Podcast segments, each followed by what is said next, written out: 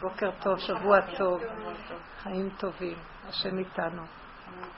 אני, אני רואה מהחודש האחרון, זה זמן כזה ש, שיש, אה, כאילו עכשיו יש איזה משהו ש, שחזק, שהכוחנ... יש מלחמה להשם בכוחנות, הוא רוצה להפיל את הכוחנות. יש מלחמה להשם בדבר הזה, אני רואה מכל הסיפורים שמגיעים, יש לי צד כזה שאני יודעת ללקט את הנקודות ולראות אה, את הפרינציפ שמאחורי הדברים. יש לי כזה מוח שיודע לראות, אז אני רואה טק, טק, טק, טק, טק. מה זה כל ה... וגם אני עוברת איזה דבר, וגם כל מיני אנשים, זה כנראה קשור בשורשים של העבודה. תדעו, העבודה הזאת זה כמו לוח בקרה, שדרכה הקדוש ברוך הוא מפעיל בעולם, מראה בעולמו את עצמו ועושה פעולות.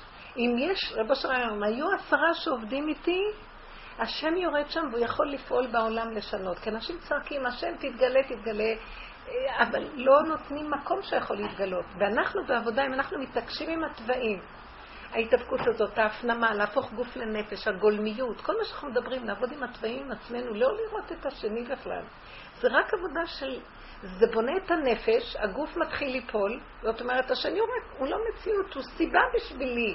זה העיקרון של העבודה. העולם הוא סיבה בשביל שאני אכנס למציאות ואראה איפה הדבר, ושם אני עושה תשובה, אני שב על השורש, הגוף מתחיל להתקטן, להתמעט, והנפש מתחילה להיות חזקה יותר. הנפש מקבלת מציאות אמיתית. זאת אומרת, והשם לא יכול להתגלות בגוף. בגוף, הוא היה, הוא, אם הוא מתגלה בגוף, זה מה שקרה בסדום. הכל נשבר. זה כמו פצצת אטום. זה האור הדק לא יכול להתגלות בגופים גסים. אז הנפש היא מקום יותר דק שהשם יכול יותר להתגלות. אתם מבינים? יש מקום, זה כלי יותר דק.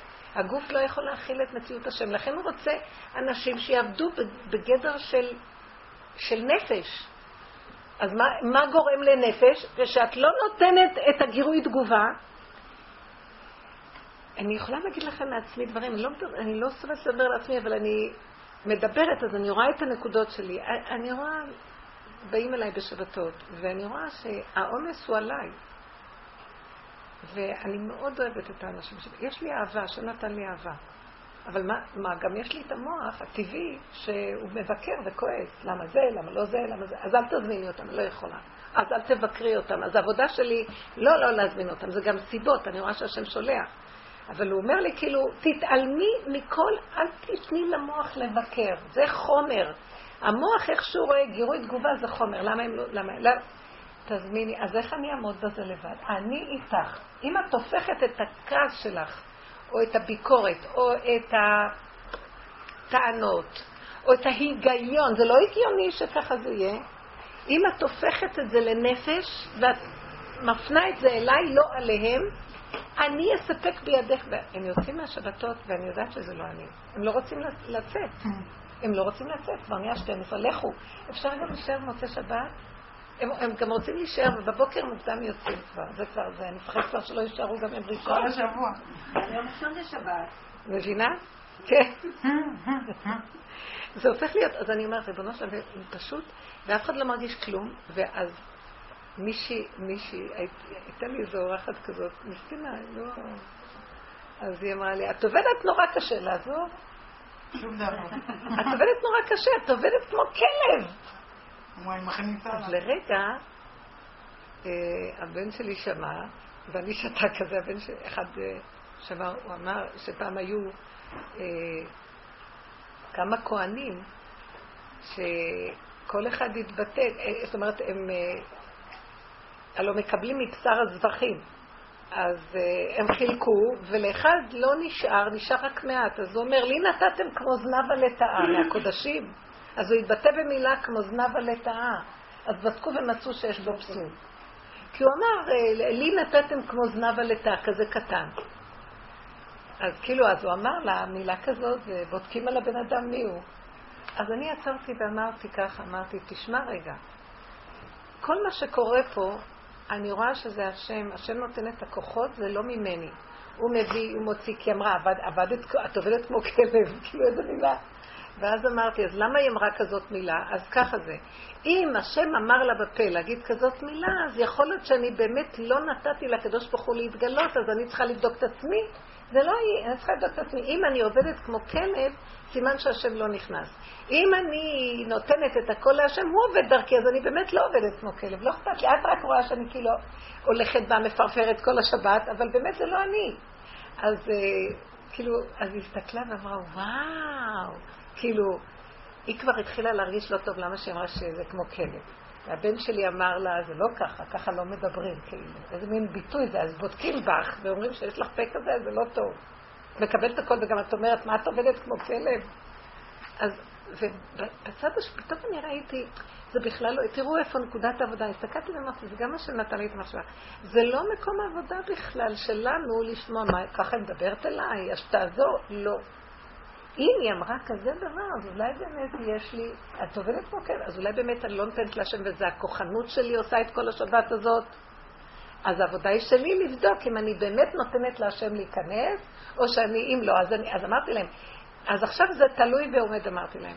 אם היא דיברה כזה דבר, אני צריכה לבדוק את עצמי, אם, אם אני נותנת מספיק להשם להיכנס. ואני אגיד לכם את האמת, אני לא מרגישה את הפעולות שלי. אני מרגישה שהשם עושה דרכי הכל. אז באמת היא הייתה רק אה, משהו לעורר לי לבדוק את עצמי. כי אם אני באמת לא נותנת להשם להיכנס, זה הכוחנות שלי והביקורת, אני עושה ובלב יש טרוניות, אז זה, זה נקרא שעובדים כמו כלב. אז אני צריכה לבדוק את עצמי. מעניין שאמרנו כלב ולא כמו חמור. נכון. מעניין נורא. כי אני אגיד לכם למה. אני אגיד לכם למה. אני לא, לא, לא נכנסתי בזה, אמרתי את זה בחצי מילה כל הסיפור הזה, לא לקח הרבה זמן, אבל כי כלב כלב הוא, יש לו נאמנות לבעלים. למה כלב היא החיה הכי קשה ביהדות? לא מכניסים כלב, לכלב תשליכון. הכלב הוא, הוא קשה ביהדות. למה? כי הכלב הוא כמו לב, יש לו נאמנות לבעלים שלו בצורה שאין לו מציאות עצמית. החנפנות של, שהוא מסתכל אחורה כל הזמן, הוא רץ קדימה, מסתכל, נכון אני נאמן, מסתכל על הבעלים שלו ורץ, רוצה לרצות. הרצון לרצות והחנפנות שיש מאחורי המידה הזאת, בלי שאדם שם לב, הרצון לרצות זה חנפנות נוראית, אין עדת חנף. זה עדת חנף גלמוד. הוא, הוא, הוא, לא, הוא, לא, הוא לא יכול, הוא סותר את מציאות האמת, כי מציאות האמת זה הנאמנות לנקודת, לנקודה עצמית, ואילו הוא מדלג על העצמיות שלו, אין לו עצמיות בכלל, אין לו נקודה עצמית פרטית, הוא מבוטל לאדון, אבל בצורה של חנפנות. הוא צריך להיות נאמן לנקודה שלו, ומתוך הנקודה לעבוד את השם. זאת אומרת, שימו לב, אם אני באה ואומרת להשם, ריבונו שלם, אתה יודע מה? דרך המילה הזאת שלה, אני רואה שאני אני באמת רוצה לרצות אותם, ואני עובדת כמו חמור רק כדי שיגידו שאיזה אישה, וואי, איזה אישה וואי, מה היא עושה? אני לא עובדת בגלל שבאמת זה אתה דרכי עושה. אדם כזה הוא תמיד לחוץ, הוא מתוח, יש לו המון, אה, גם בפנים יש לו המון טרוניות, הוא לא אומר כי הוא מתחנף, והוא כאילו צוחק וזה, אבל בפנים הוא לא... אה, אדם כזה הוא, הוא לא... אם הוא לוקח את הנקודה שלו ורואה אותה, אז הוא לוקח את נקודת החנפנות ומעלה אותה להשם, הוא נאמן ליסוד שלו. הוא אומר, ריבונו של עולם, החנפנות הזאת והרצון לרצות לא נותנים לי לעבוד אותך. הכלב מדלג על המקום הזה והוא מסכים, כן, אני צריך להיות חנפן, כן, אני צריך... אה, ל, אה, זה מין ביטול שאין בו אני. אתם מבינים מה אני מתכוונת? אם זה ביטול בלי פגם. על ריק. על ריק. אם הוא עובד ביטול, וזה למשל ההודים למשל, יש להם יסוד של ביטול, זה עבודות הזרות שם, אבל מה פגעו בביטול שלהם? הם מתבטלים, הם יכולים למות בשביל האור. לא מעניין אותם החיים בכלל, הם באים, נולדים והם יכולים גם למות, ואין להם ערך לחיים. הם, אין להם אני, הם לא עובדים את הקדוש ברוך הוא דרך הביטול, דרך הפגם שלהם, הם מתבטלים ישר. צריכים לקיים את הביטול דרך האני, דרך הפגם. כי אם אנחנו לא עובדים דרך הפגם ומתבטלים, זה כלב. זה מין ביטול של כלב. אתם מבינים מה אני מדברת עכשיו? לכן כל הגאוניות של הדרך שלנו זה לחפש כל הזמן את יסוד הפגם. ולא צריכה לחפש הרבה. מעליב אותך. את כועסת, את מקנאה, את אה, לא יכולה לסבול. את... אז ברגע הזה יש איזה אני, והאני הזה חייב להיות קשור עם השם ולהעלות אותו, אני השם. לא אני, אני, הרגיזו אותי, ואז אני אענה לשני. האני הזה, אני חייבת להעלות אותו להשם, אז אני יכולה לעשות ביטול. אי אפשר לדלג על האני ולבטל. זה כאילו אלינו אין אני, אנחנו מתבטלים, זה הכלב. הבנתם את הנקודה? לכן עבודה על הפגם היא, ועד שנגיע למקום שבאמת אין פגם ויש ביטול. כי העברנו את זה דרך יסודות הפגם. אז כשהיא אמרה כלב, אז אני ראיתי, וואו, אז, אז כנראה יש לי איזו נקודה שאני עוד מנסה לרצות, ואני כל כך אוהבת לרצות שאני אפילו לא שמה לב. אז אני צריכה לבדוק את עצמי. וכשעשיתי בדיקה והתוודעתי על זה, כאילו, תוך כדי דיבור, אז הרגשתי, לא, בעצם אני לא מרגישה את הפעולות שלי, זה אתה דרכי עושה, הכל אכפת לי. שלא יעשו, שלא יעשו, מה אכפת לי? הם באים, הם נהנים, הם שמחים, אני שמחה, כולנו שמחים. ואני לא מרגישה את הפעולות. אז מה זה חשוב? אם הם, אם הם המקבלים ואני נותנת, לא אני נותנת, ולא... זה הכל אתה. זה אתה בכלים שלך מקבל ונותן, מה אכפת לי בכלל? נתת לי הצגה להיות הנותן, ולהם הצגה להיות המקבל. זה רק הצגה, מה? הוא הנותן והמשפיע, הוא הבמאי הראשי, הוא נותן את הכוחות, הוא נותן את התסריט, הוא נותן את הכל, מה אני עוד באה להגיד מילה? זה, זה מקום נכון. אבל אם היא תגיד, את עובדת כמו כלב, אז אני אגיד לה, גם, גם כי רצחת וגם ירשת? כן, זה נשמע לא יפה. אז הוא נתן לה קצת דיבור עוד מהטבע. ואני אמרתי, לא, לא, לא, לא, תקשיב.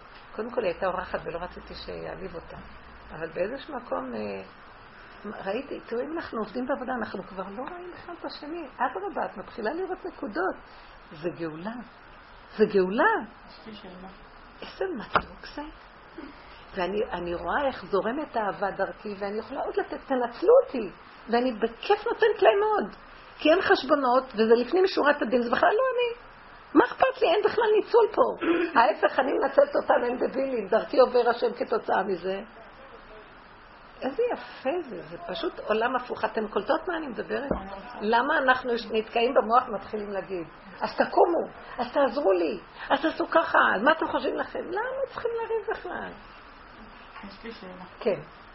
אה, כבר כאילו בסוף שבוע האחרון ראיתי כאילו את שתי הכוחות. מצד אחד, את הכוח הזה של הטרוניה והביקורת וכל יום המוח עובד, וכאילו אמרתי לך, יש עוד איזו ישות שכל הזמן כאילו היא דרכי פועלת, ומצד שני, ראיתי שביום שישי, רציתי לעשות את ההכנות לשבת קודם ולא לא יצא, וביום שישי קמתי, וראיתי שאני לא יכולה ללכת נגד הנפש שלי, אני התחלתי רק באיזה 12, אולי 12 וחצי, כאילו ממש אולי שעה לפני שהילדים הגיעו. אמרתי כאילו, ריבונו של עולם, אבל אני רוצה להיכנס רגועה. למה, כאילו, למה, למה את מתחילה מאוחר? כאילו, עוד יש לי איזו טענה אולי אפילו על עצמי. השתדלתי שזה לא היה על עצמי, אבל אני לא יכולה להיות אמיתית על זה ולהגיד שזה לא היה, שזה היה רק להשם. זה היה כאילו דיבור עם השם וגם קצת להגיד לעצמך, תהיי קצת יותר מאורגנת. טוב, ת, תתחילי ביום רביעי, למה את מתחילה ביום זה? ולמה את משאירה את הכניסות לקפל כאילו ביום שישי, שאת יודעת שיום שישי זה יום שאת צריכה לעשות פה דברים אחרים? אבל לא יכולתי ללכת נגד הנפש שלי. ראיתי שכשאני הולכת נגד, נגד הנפש שלי, אז נהיה לי את הדיבור הביקורתי הזה. יפה. יפה. אז מה את צריכה לעשות? אז אני אגיד לך מה.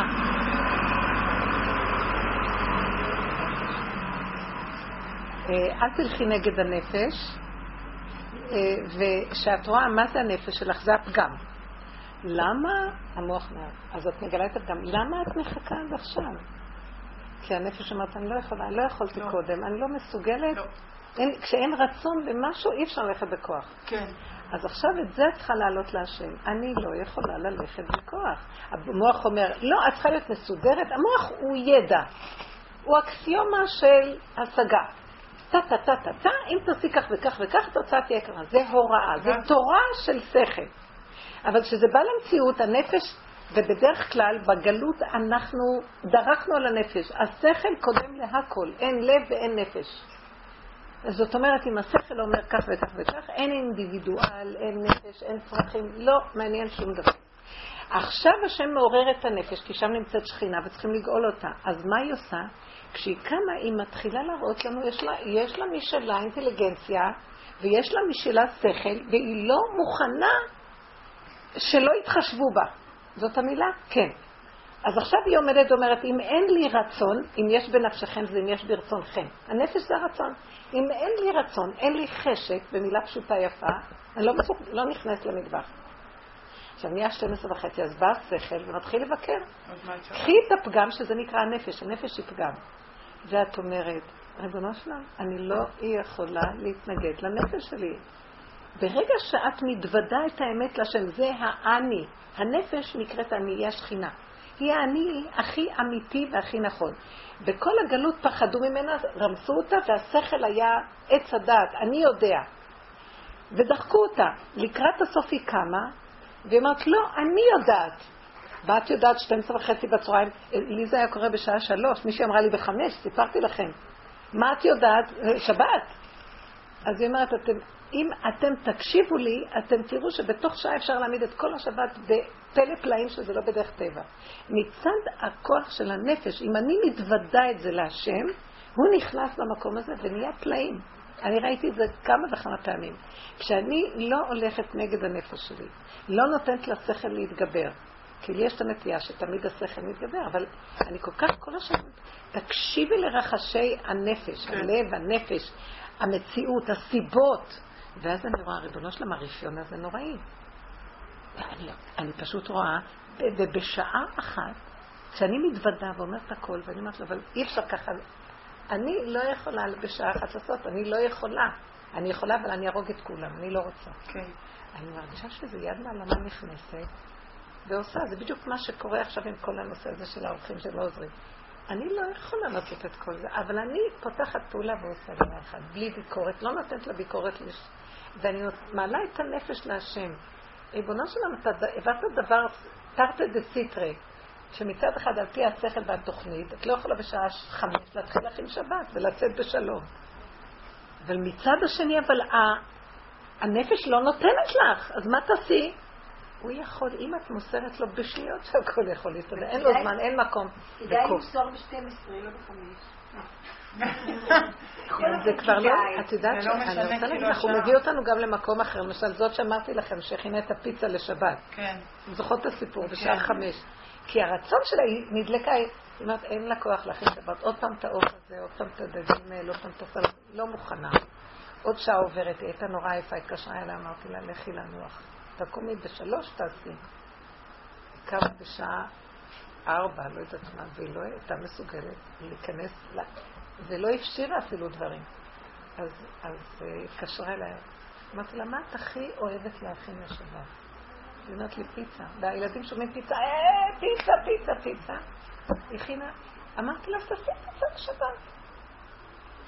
אז היא כל כך נדלקה, היא עשתה איזה ארבע פיצות מכל מיני סוגים, בכזה הנף יד, והילדים שמחו, ואז אז היא אומרת לי בטלפון, ומה בעלי יאכל, ומה הוא יאכל?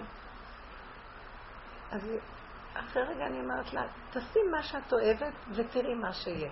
הוא יראה מה שאת עושה. אז היא אומרת, אחרי כמה זמן הוא ראה שהיא לא מכינה כלום, אז הוא הלך, סידר לעצמו סיר עם נקניקייה ושתי תפוחי אדמה, מה שהוא אוהב, וזהו, אז היה לו סיר שלו, והיא עשתה את הפיצה, הכביסות היו על השולחן, הכל. אמרת לה, קחי את הכביסות לאיזה חדר, ואיך שהבית שיישאר, העיקר שיש שולחן, שבת זה שולחן. היא אומרת שהייתה שבת, תמיד הם רבים כועסים, הילדים מעצבים. שבת כזאת רגועה, פיצה, השמחה שנכנס ממה שהיא נהנית לעשות, אנחנו עובדות הרבה בכפייתיות. אז הרבנית, כן. במקום הזה שכאילו אני רוצה, שאני מוסרת את הנפש, מה שאת אומרת, הפגם, אז שמה אני כאילו מפחדת לא להילחץ. אני דווקא, כאילו, המוח עוד, המוח עוד בכפייתיות רוצה שאני אלחץ, כן. כי הוא אומר, זה לא הגיוני, יש תוכנית, טה טה טה טה טה טה טה. נכון, זה מלחמה, תהיה מלחמה פה בין הנפש לשכל, ודאי שתהיה מלחמה. תצעקי להשם, המלחמה שלך, מלחמה להשם בעמלק, אני לא יכול. וראיתי שאני לא... הכוח של העמלק, היום השם הולך להוריד אותו. צריך וצריך וצריך וחייב בתוכניות. וראיתי שאני לא, היה איזה שתי סיטואציות שאני לא הקשבתי כאילו לנפש, השם נתן לי הערה כאילו מצד הגוף של הדבר. ולא הקשבתי, וזה יצא הפוך לחלוטין. כאילו הלכתי למקום שלא הייתי צריכה להיות בו באותו יום, ו... ובשבת, ובשבת אה, נכנסתי לשכנה, ובעלה לא, לא מרשו שאני אכנס לזה. בדיוק יצאתי והוא חלף על פניי, הוא נכנס, התחיל לצעוק עליי, בעלי ירד, צעק עליו לא בחזרה. אמרתי, יואו, ואני רואה את שתי הכוחות. אני ראיתי את שתי הכוחות, גם בתוך השבת ראיתי שזה העץ הדעת שם, את שתי הכוחות כאילו במלחמה. יפה. אתם רואות מה אנחנו מדברים? לתפוס את נקודת הפגם. איפה שמתחיל להיות לא נוח, שם קורה לי משהו. איפה שמתחיל להיות מצוקת צער, איזה לחץ, מידה שיוצאת. שם זה יסוד הפגם. אל תלכו בכוח. העבודה שלנו כנשים במיוחד.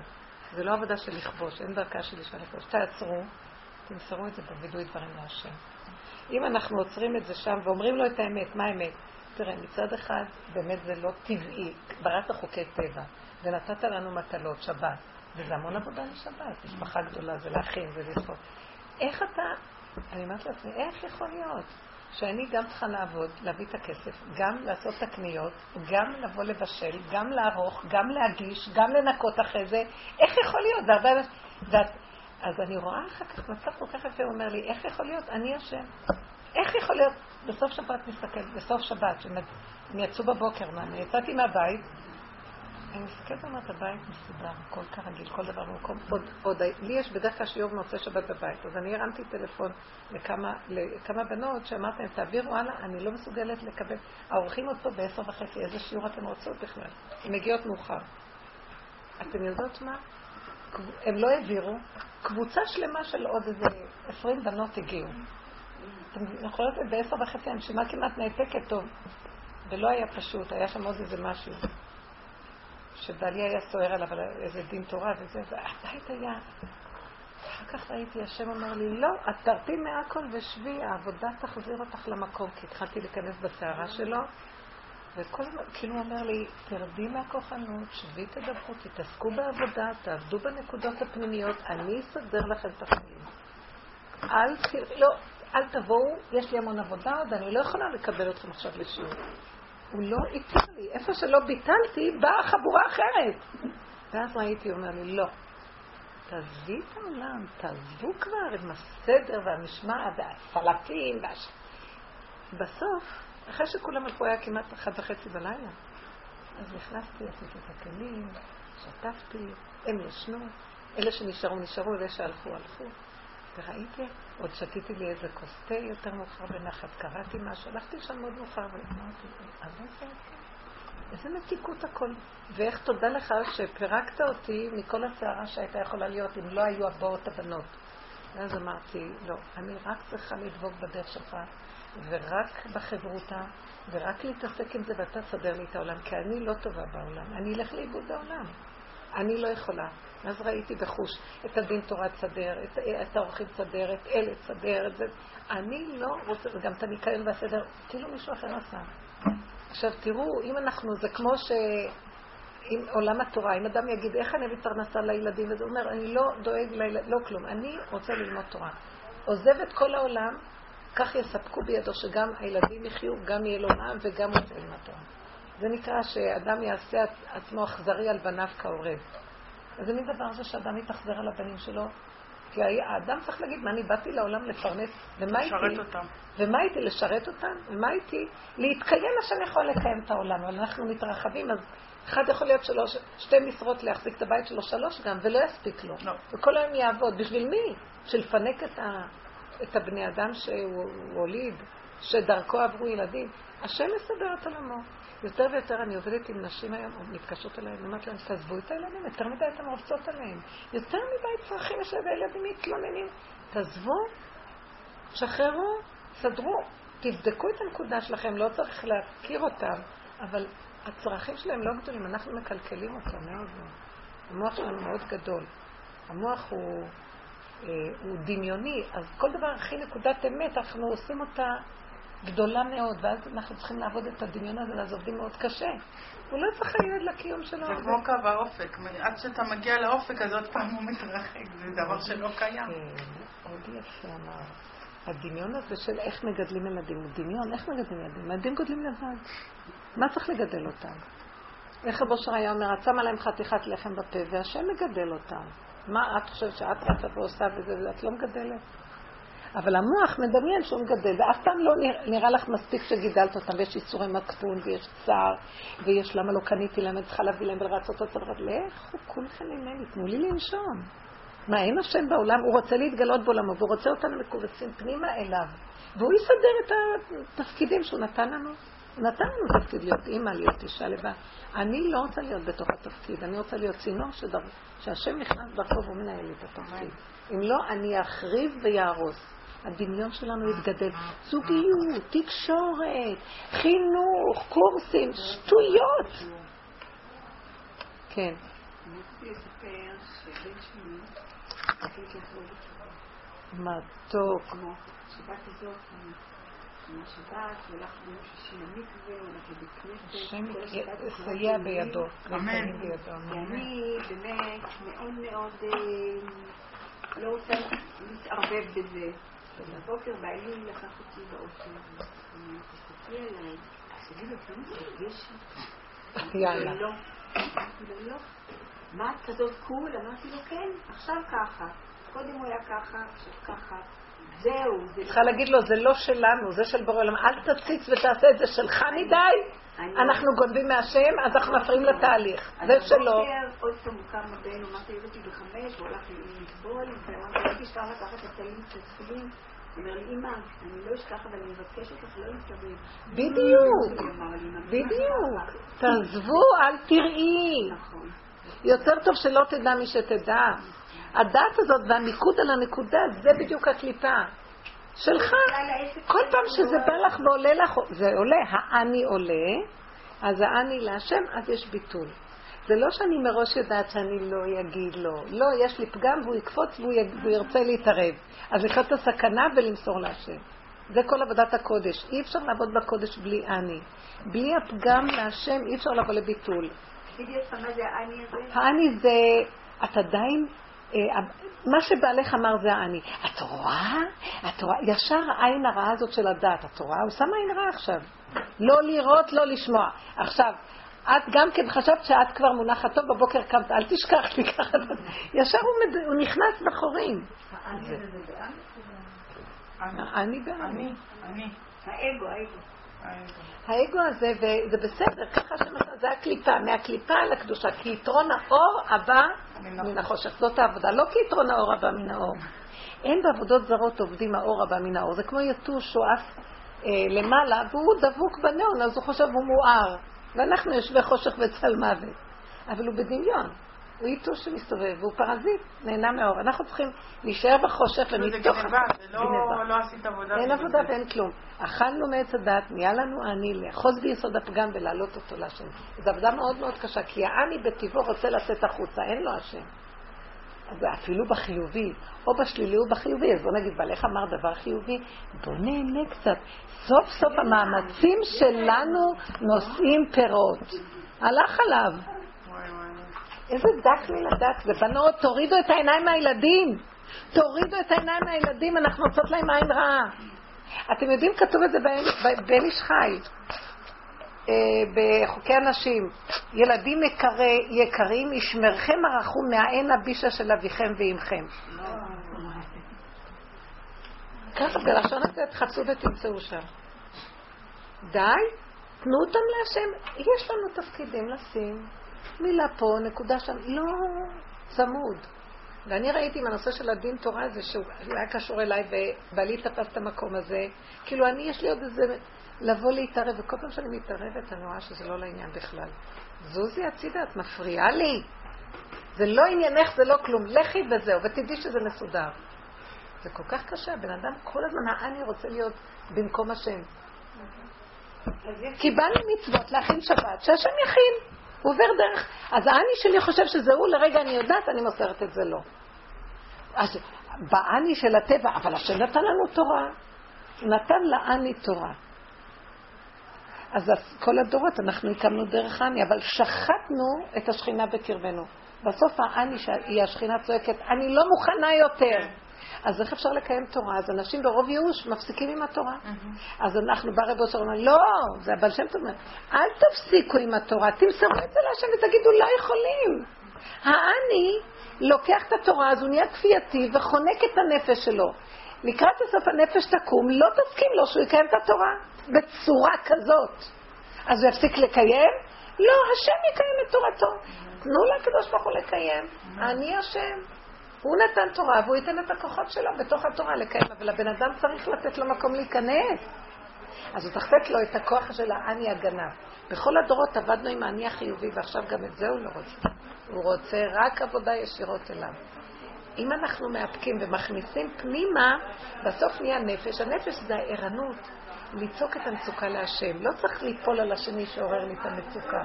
כי לפעמים אנחנו לא רואים את המצוקה. בוא נגיד, השבת מעוררת לי עכשיו מצוקה, כי הנפש שלי לא רוצה, אז אני באה בטענות, איזה מצוות נתת? אין לי סבלנות כבר למצוות שלך.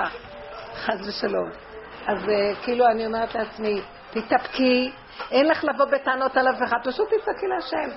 אני לא יכול, האני הזה הוא מעודן, יש לו, יש לו קצב אחר. הוא לא יכול לקיים את השבת ברמה של הדעת. אנחנו מקיימים את השבת ברמה מאוד דמיונית. כל דבר שאנחנו עושים, בואו ניקח את הדוגמה של שבת. כמה סלטים, כמה בישולים, כמה קניות, אתם יודעים מה? אני מסתכלת, המקרר עמוס, חצי מהאוכל נזרק. אי אפשר כל כך, אבל יש משהו משוגע של חרדה שיצטרכו, שלא כן, יהיה. שלא יהיה. אי אפשר ללכת בקטנות. אז, אז כאילו, ברמה הזאת, לאט לאט, הנפש צועקת, תצילו אתם, שיעבדתם אותי, הדמיון שיאבד אותי לעשות שבת ככה, לא צריך ככה.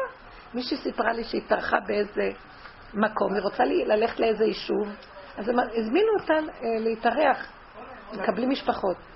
אז היא אומרת, היא אישה שיש לה שמונה ילדים, אימא, היא ובעלה זה עשרה, עשר נפשות התארחו במשפחה של עוד איזה עשר נפשות.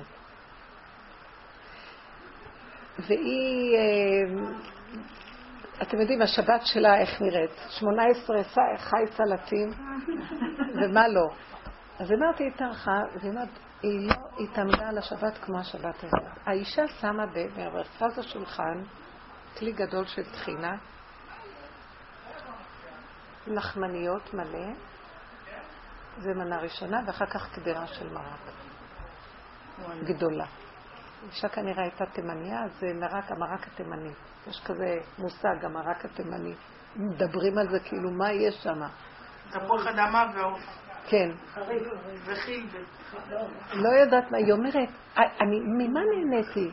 היינו רעבים, הלוא ערב שבת כולם מתנפלים. הלחמניות והטחינה, היה, אכלתי שתי לחמניות, כל אחד אכל שתי לחמניות וטחינה סבו, ואחר כך המרק היה כל כך במקום. לא היה צריך שום דבר יותר. ואיך, איזה נרבים היה לאישה להזמין אנשים ברמה כזאת. אני, היא אמרתי, הרצתי אותה, היא לא פחדה מאיתנו, לא התביישה, היא לא רצתה לרצות. זה מה יש לי, בואו תשתתפו יחד איתי בשבת שלי. שום... חלק גדול מהבישולים של השבת זה הכבוד, ה- גם האגו. ובשבת הזאת קרה לי משהו נוראי, ש- נוראי. שאני הזמנתי עוד ועוד אנשים גם מהאגו, שאין לי בעיה, עוד, עוד, לשתי הסעודות, ושתי הסעודות החלטה לא עבדה. כל האוכל היה קר ומגעיל, ואי אפשר היה לאכול שום דבר, אכלנו לחם. ואף אחד לא היה רעב, כי יש לחם שאמרת. איזה מתוק זה לפעמים, אתם יודעים, האנשים לא צריכים... התאווה של המוח. הנפש לא צריכה הרבה, אבל המוח כל כך גדול, הרחיב את הכל, והנפש נחנקת ומשמינה, וצועקת הצילו, ואין לה כוח להכיל את המאכלים האלה, וממשיכים, המוח ממשיך להגיד לה, זה עונג שבת, זה לכבוד שבת, תהרגי את עצמך לכבוד עונג דמיוני של שבת. למה, מה ייגרע שהנפש צריכה לצאת מהשבת נפוחה, מלאת גזים, כאבים, לחצים? איזה מין דבר זה עונג שבת?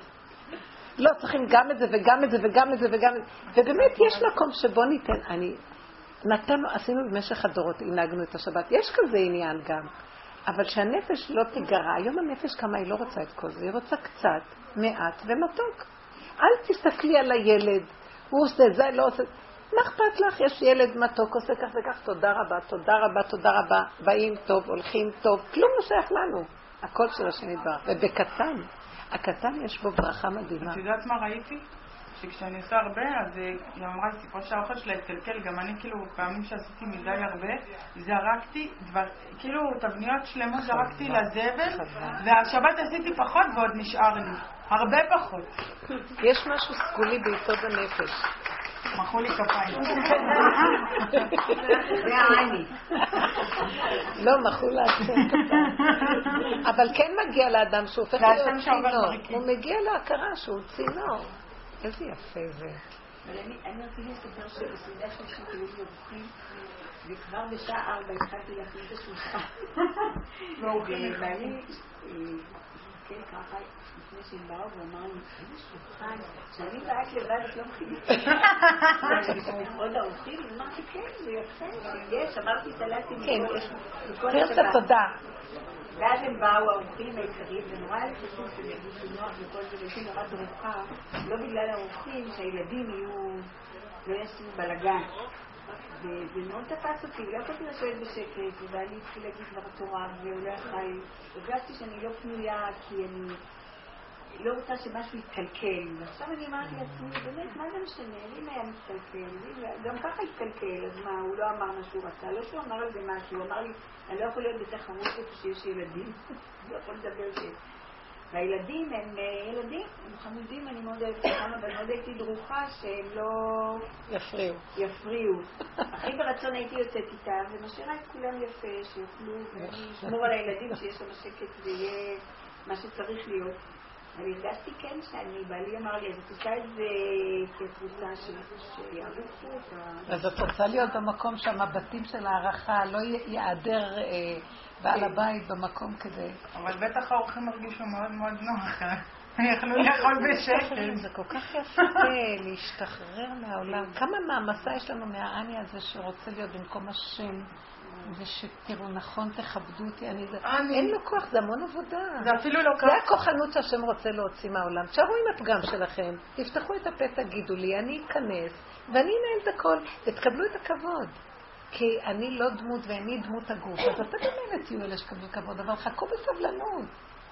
אנחנו, אני מאוד מפחד שלא ייתנו לו את הכבוד, הוא חייב להיות במקום. לא רק הכבוד, שלא ייתנו לו בכלל, שהוא לא יקבל את מה שמגיע לו. בעלי כל הזמן צוחק עליי, לפני שהתחלתי את הדרך הזאת עם התלונה וכל זה, אז הוא אמר לי, אה, לקחו לך מהמנה שלך, כאילו מסתלבט עליי, שכאילו אם אני שמה בצלחת, אוי ואבוי מישהו ייגע. לקחו לך מהמנה שלך, כאילו, לא, מסכנה, איזה מקופחת שלא מקבלת, ובאמת, כאילו, באמת לא חסר כלום, אבל זה הכל פה. לא מחשבה. את יודעת, אני עוברת אה, תקופה לא פשוטה עם אחד הילדים. זה כאילו מסתובב בצורה ממש אה, לא נורמלית, כן? ואנחנו עם פגישות ככה וככה, אבל פתאום אני ראיתי את עצמי ואני אמרתי, הוא משקף מה שאני, נגיד המוח התחיל עם המצפון, מה יהיה, מה לא יהיה, וכל הדברים האלו, אז הוא מסתובב המוח הזה אסור שהוא כן, כן, אבל אני ראיתי, כאילו הוא המוח שלי. אני עם כל ההפקרות של המוח הזאת, שפשוט הוא גומר אותנו, זה תוכנית כל כך קשה. יואו, כמה זה קשה, אנחנו מהר מאוד הולכים לאיבוד ומאמינים למוח. לסגור, לסגור, לסגור, לסגור, להישאר בקטן. אני יודעת מה את אומרת, הסובב מבלבל אותנו. אמרתי לו, ריבונו שלום, איך אתה רוצה?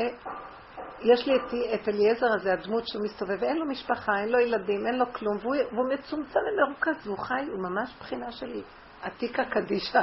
הוא מעותק מהעולם, הוא בעולם אחר. אבל הוא כאן, והוא יכול להרשות לעצמו את הצמצום הזה, ושום אדם לא ישפיע עליו. אמרתי לו, כי אין לו תפקידים כל כך. אנחנו בתוך התפקידים, אי אפשר. זה, זה סוחב אותנו וזה סוחב אותנו, זה ייסורים. איך נעשה? וכל הזמן אני אסור להתבלבל מהעולם, אסור להתבלבל, לא להיות בתוך, לא להיות קשור מדי, לא להיות... כן, אנחנו אימהות, אבל רפוי, והוא מביא סיבות להרפות. לא ללכת עם המחשבה, כמה שאפשר להוריד אותה לתפילות, אז אני רואה אה, שיש לי מישהו, האליעזר הזה, אה, יש איזה מישהו שהוא סוחב איתה את הסלים. ואז אני רואה אותה, היא מסתובבת איתו, ואני רואה לאחרונה שהיא מאוד מושפעת ממנו בלי שהיא תשים לב. מה שקורה לה, היא מתנתקת מהילדים מהרמה שהיה פעם. מסתובבת, אה, היא אוספת כל מיני דברים, הם מחלקים את הירקות. אז היא יוצאת מהבית הרבה, וכאילו הילדים או שנשארים, או עם האבא כשהוא נמצא, או שהיא מביאה איזה בביסיטר. ו...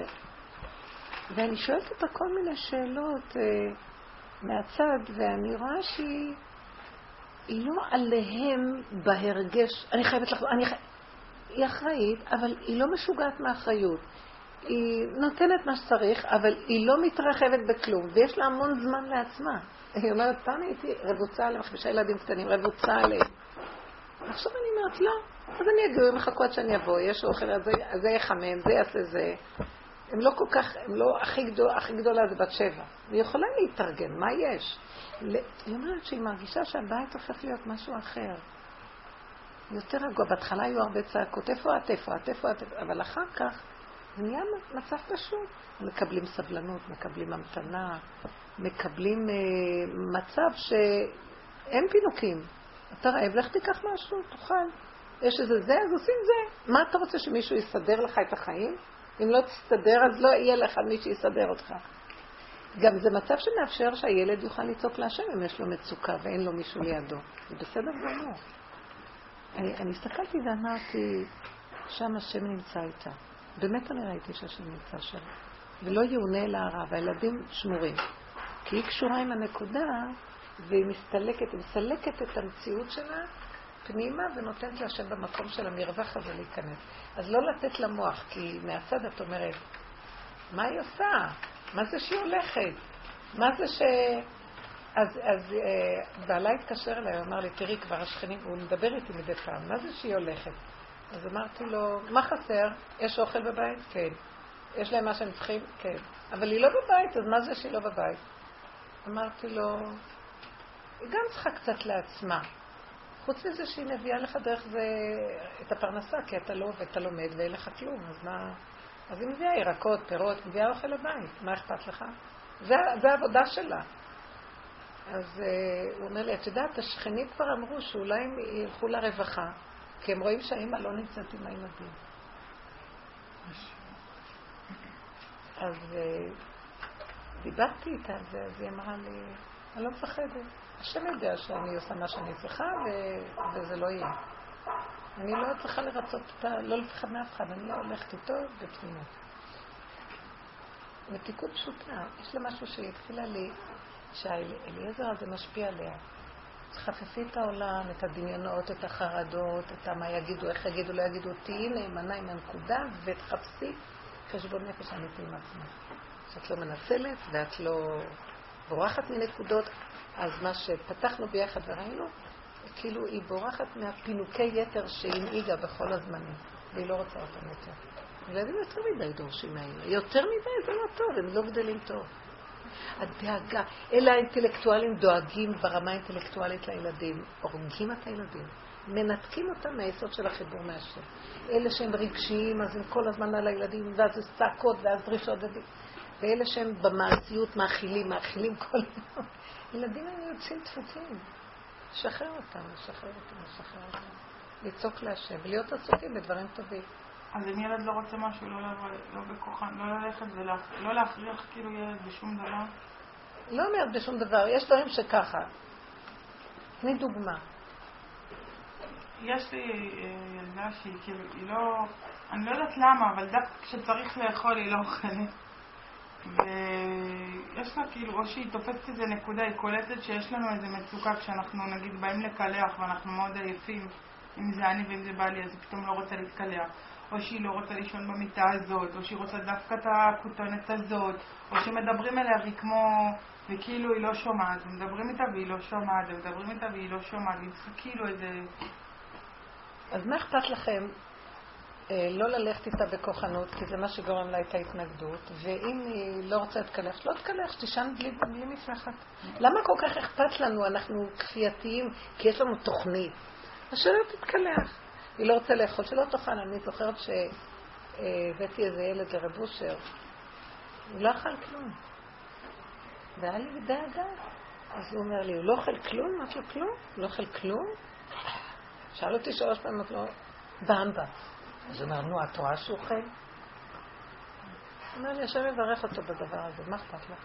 תשלחי את זה להשם, תגידי לו, אבא, אתה תחיה את הילד.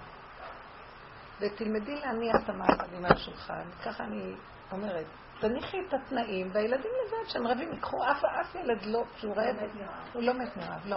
אבל הכפייתיות של ההורה, ושהוא חייב להיות מעורב בתהליכים שלה, זה משוגע. בוא נשחרר כמו עדר. אז הכבש, הטלה, יש זמנים מאוד, כמו שבשעה הראשונה, שעתיים הוא צריך את האימא.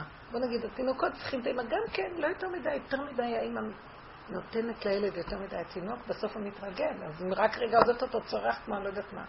אז היא כועסת על הילד שהוא לא צריך, לא נותן לה מנוחה. אז אמרתי לה, הייתה לי אצלי מישהי עם התינוק. אמרתי לה, תשמעי, כשכיף היה לך לחבק אותו, כי בא לך עכשיו, אז הילד התרגל שהוא מקבל המון ממך, כי היה לך כיף, כן, תינוק של עצמך, לא חיית סכנה. עכשיו הנחת אותו, אז מה את רוצה ממנו שלא יצעק? הוא התרגל כפי שהרגלת אותו, הוא התרגל כך וכך. מה את מניחה אותו ובאה אליו בטענות? למה כשאת בא לך לנשק אותו חצי שעה, אז הוא משמש אותך לנקודה שלך. כשלא בא לך, הנחת אותו. כשבא לך לנשק אותו, תחי איתו סכנה. לא, לא מדי קרוב ולא מדי רחוק, תהיי באיזון. לתת לו את הצרכים בקצת. הוא משמח אותך, תני לו, תודי להשם. רבי שלום אומר שמנשקים תינוקות, להודות להשם, לא לנשק אותם, כאילו, הם נותנים חשמל, הם מתוקים. אז את המתיקות הזאת, נגיד, המתיקות אליך, לא להפיל את זה על הילד. אחר כך זה הולך אליו, והוא מתחיל לבוא בטענות, למה את לא ממשיכה? זה טבע. האם רובצת על הבנים, שלח את האם, ואת הבנים תיקח לך. זו בחינה של שילוח הקן. שילוח הטבע. האמא יש לו טבע מאוד חזק. אז במקום הזה הייתי אומרת, תרפי. מה, היא, תש... היא עריצות, הילדים האלה הופכים להיות עריצים. היא רוצה דווקא את זה, היא רוצה מלכה, וכל הגדולים מפרפרים סביבה, כאילו מי? תלכי בלי בגדים, תלכי עם בגדים, זה לא קשור אליי. ההורה לא צריך להגיד לו, אם לא תעשי ככה את חייבת. יניחו לה יום, יניחו לה יומיים, יניחו שלוש ימים בשיטה הזאת, היא תהיה חייבת לעשות לעצמה גבולות. היא לא תסבול את המצב הזה. תרפי ממנה. והיא תתחיל להשתולל, למה שירפו ממנה, ולא, היא לא מצליחה לשגע אתכם. תלמדו קצת בקור רוח. אני אמרתי, את רוצה תעשי, את לא רוצה תעשי שאת רוצה, ותראי לאן זה יגיע. לא יהיה לך טוב עם עצמך. אפשר לדבר איתה. לא יותר מדי, קצת, וללכת, קצת וללכת. לנתק אחיזה רגשית. מה אכפת לך? תראו איך אנחנו, תראו כמה אנחנו, ותראי את עצמך, תראי את האגו הזה, איך הוא חייב לקלח. חייב לתת לה את הבגד הזה ולא... לא, יש לי סיפוק מהמקלחת שלהם, לראות אותם בתמונה נקיים ומולבשים, פיג'ם, כן. ואחרי שנייה הם מפספסים במיטה, וצריך לכבד את הכל, ואז יום אחרי, ואז היא באה בבוקר בערב. איזה עבדות דבילית. עבדות. הדור האחרון, הכל כל כך לבן נקי, עם אה, כל מיני בשמים, התרבות שיגעה אותנו, ואנחנו כל היום עבדים של אותה תרבות. כמה צריך לנקות את הבתים, וכמה צריך שיראה הכל יפה, וכמה וכמה. ובסוף אנחנו עבדים. טוב, מלכים, אה, פעם מלכים לא היו חיים ברמה שאנחנו היום חיים, אבל היו להם מלא עבדים. ולנו אין עבדים, אנחנו כל היום קונים, ובסוף אנחנו משתעבדים לכל מה שקונים. כן. יש לי בן 12 שהוא רוצה ללמוד קראטה. איזשהו אה, משהו של לחימה. עכשיו, אה, יש התנגדות בתלמוד תורה שלו, לא יודעת למה. אה, הוא יודע עכשיו... תודה. המפקח קרא לנו, שמע שאנחנו עושים, כי קצת בטיפשותנו התקשרנו למנהל לשאול אם זה בסדר. כי אמרו לנו שלא, אז לא רוצים לעשות את זה, והמפקח קרא לנו מה פתאום, הוא אריה, הוא זה, איך תתני לו להידרדר ככה וכל. והילד צריך, הוא צריך לפרוק קצת, הוא אוהב את זה. וגם עכשיו, אז איכשהו זה קצת ירד, ירד מהפרק. היה, יש לי גם איזה בן דוד שהוא למד, אמרתי, נביא אותו פרטי, שילמד אותו כמה, כמה תנועות ככה שיירגע. איכשהו זה לא הסתדר בסופו של דבר, הוא כבר לא נמצא כשאנחנו... ופתאום זה צץ עוד פעם, כי הוא שמע שילדים בכיתה שלו כן לומדים, יש כמה שכן לומדים. ואפילו הרבי שלו אמר לו, אני יודע על זה ואל תגיד. זאת אומרת, הוא דיבר איתו, הוא לא אמר לו בכוונה, אבל הוא, מתוך שיחה שהוא כל כך רוצה, כבר כנראה יוציא את זה ליד הרבי, אז, אז, אז הוא גם כן, אז, אה, זה כבר נהיה משהו שכאילו חלק כן עושים, חלק לא עושים. עכשיו, בגלל ששאלנו, אנחנו לא יכולים לעשות את זה בפומבי. הילד, הוא כל שניה מוציא מודעות ומראה לי, הנה אני הולך לחוג, הוא כבר יודע שאני כבר לא מתייחסת כבר, אני הולכת לחוג ניסיון, אני יכולה, זה הכסף שלי, אני הולכת מהכסף שלי, אל תקנו בריכה, אל תקנו זה, הוא כבר מאוד מאוד נהיה אוטוטיסט. כן. עכשיו, אני יודעת שאם זה, אני לגמרי אדכא לו את זה, זה יהיה לו איזשהו משהו שתקוע כל הזמן, שהוא יצטרך את זה, הוא צריך לפרוק את זה, צריך איכשהו לספק לו את היצר הזה ש... כן, די, הילדים היום, אנחנו הולכים בשיטה, מה שהיה בגלות. באמת זה נכון, ילדים יהודים לא מתאים להם את המהלכים האלה, כי אנחנו התפיסה של הכבש, וזה הזאב. אז אנחנו לא במקום של התגוננות, של אה, התקפה. אנחנו במקום של אה, שיטות לחימה וכל זה, זה לא מתאים, זה עשיו, על חרבו יחיה. אז אני מבינה אותם בתלמודי תורה, הם רוצים להנחיל את המורשת היהודית, שהילדים הם... אבל לפני 20 שנה ו-15 שנה זה היה מותר וגלוי, פשוט משתגעים היום. לא, רגע. שמה? אני אמר שיש גמרא של... של...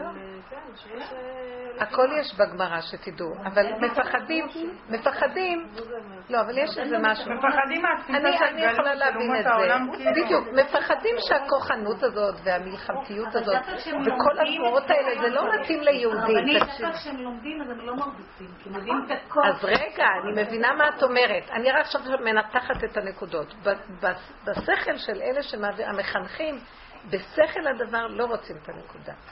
אז לכן באיזשהו מקום אל תיתנו לשכל לדעת. זה כמו שאמרנו לה, אל תדעי שהוא חוזר בתשובה. אל תדעו שהילד רוצה. אם נוריד את הדעת, מה שהדעת עושה, היא נותנת כוח לנחש שבדבר, ואז הדבר הזה נהיה מציאות. אבל ביהדות לחמו, לחמו מלחמות. לא היה אדם יהודי שלא ידע, הלוא לקחו את היהודים למלחמות בזמן יהושע, בכל הכיבושים. היהודים יצאו. דוד המלך במכת חרב היה הורג 800 איש, והוא הצטער למה הוא לא הרג אלף. משנאי השם יכחשו לו. את לא מבינה, אז, אז, אה, והיהודים אה, לא היו רק יושבים ולומדים, הם אה, זרעו וחרשו, וזה, וכל גדלות ה... בתקופות האלה זה שהם קיימו הלכות מעשיות, ודרך זה הם למדו את כל המהלך של התורה. כן, ובגלות נהיינו, בגלות נהיינו כבשים מול זאבים. אז זה שעכשיו חוזר דור שהגלגולים שלו זה בחינה של עשיו. אנחנו בחינה של 400 איש של עשיו. אבל אני מרגישה שכאילו הייתם נותנת לו את זה בהתחלה, הוא היה מסתפק באיזה כמה חודשים של לימוד וזהו, היה נרגע. ופתאום עכשיו הוא רוצה חבורה שחורה, כאילו הוא רוצה מלא. אז זה גם מסוכן באיזשהו מקום. את צריכה קצת בעדינות, אה, קודם כל צריכים לתת לילדים להוציא קצת בנים, את המרץ שלהם. כל. היום תקועים שם, ועוד אחר כך יש... אבל אולי יש שיטות אחרות שיכולות להוציא ממנו את כל ה... אבל זה- נהיה אצלו, איך אני מוציאה, אוקיי, רשמתי אותו לחוג שחייה, עכשיו רשמתי אותו, הוא שוחה וזה טוב, זה- כן, אולי אפשר להוציא את אבל זה המ... לא מצליח, לא, הוא לא מצליח לצאת מזה. אה, מה אני צריכה לעשות גם בנפש וגם מולו בשביל... הכוחנות, להעלות את הכוחנות, יש לו המון כוחנות פנימית שהיא אצורה לו בקרבו. והכוחנות הזאת היא לא עולה נכון. אז את, לנו הלא הם הילדים שלנו, יש לנו את אותן תכונות, את הכוחנות הזאת, שאת רואה שיש לך כפייתיות על משהו, תצעקי להשם. אבא, הכפייתיות הזאת זה בא מהמוח והיא מתגברת עליי. יש באמת של הנפש צורך להוציא את הכוח, את ה... אבל במוח זה גדל ונהיה דמיון פי כמה, זה לא באמת ככה. הוא באמת צריך להוציא את הכוחנות שלו, אבל המוח מגדל את זה בצורה כזאת שאם לא יתנו לו את החגורה השחורה אין לו חיים. אז על המקום הזה תתעקשי. ומולו מה? מולו תגידי לו, אני זוכרת, התפתלנו, אנחנו בחינוך מאוד התפתלנו עם הילדים, לא אמרתי להם אף פעם לא. אני זוכרת שתקופה רצו אופניים ובעלי לא הסכים, אז סחבתי איזה אופניים ישנות ומחשב, ואנחנו לא מכניסים מחשב.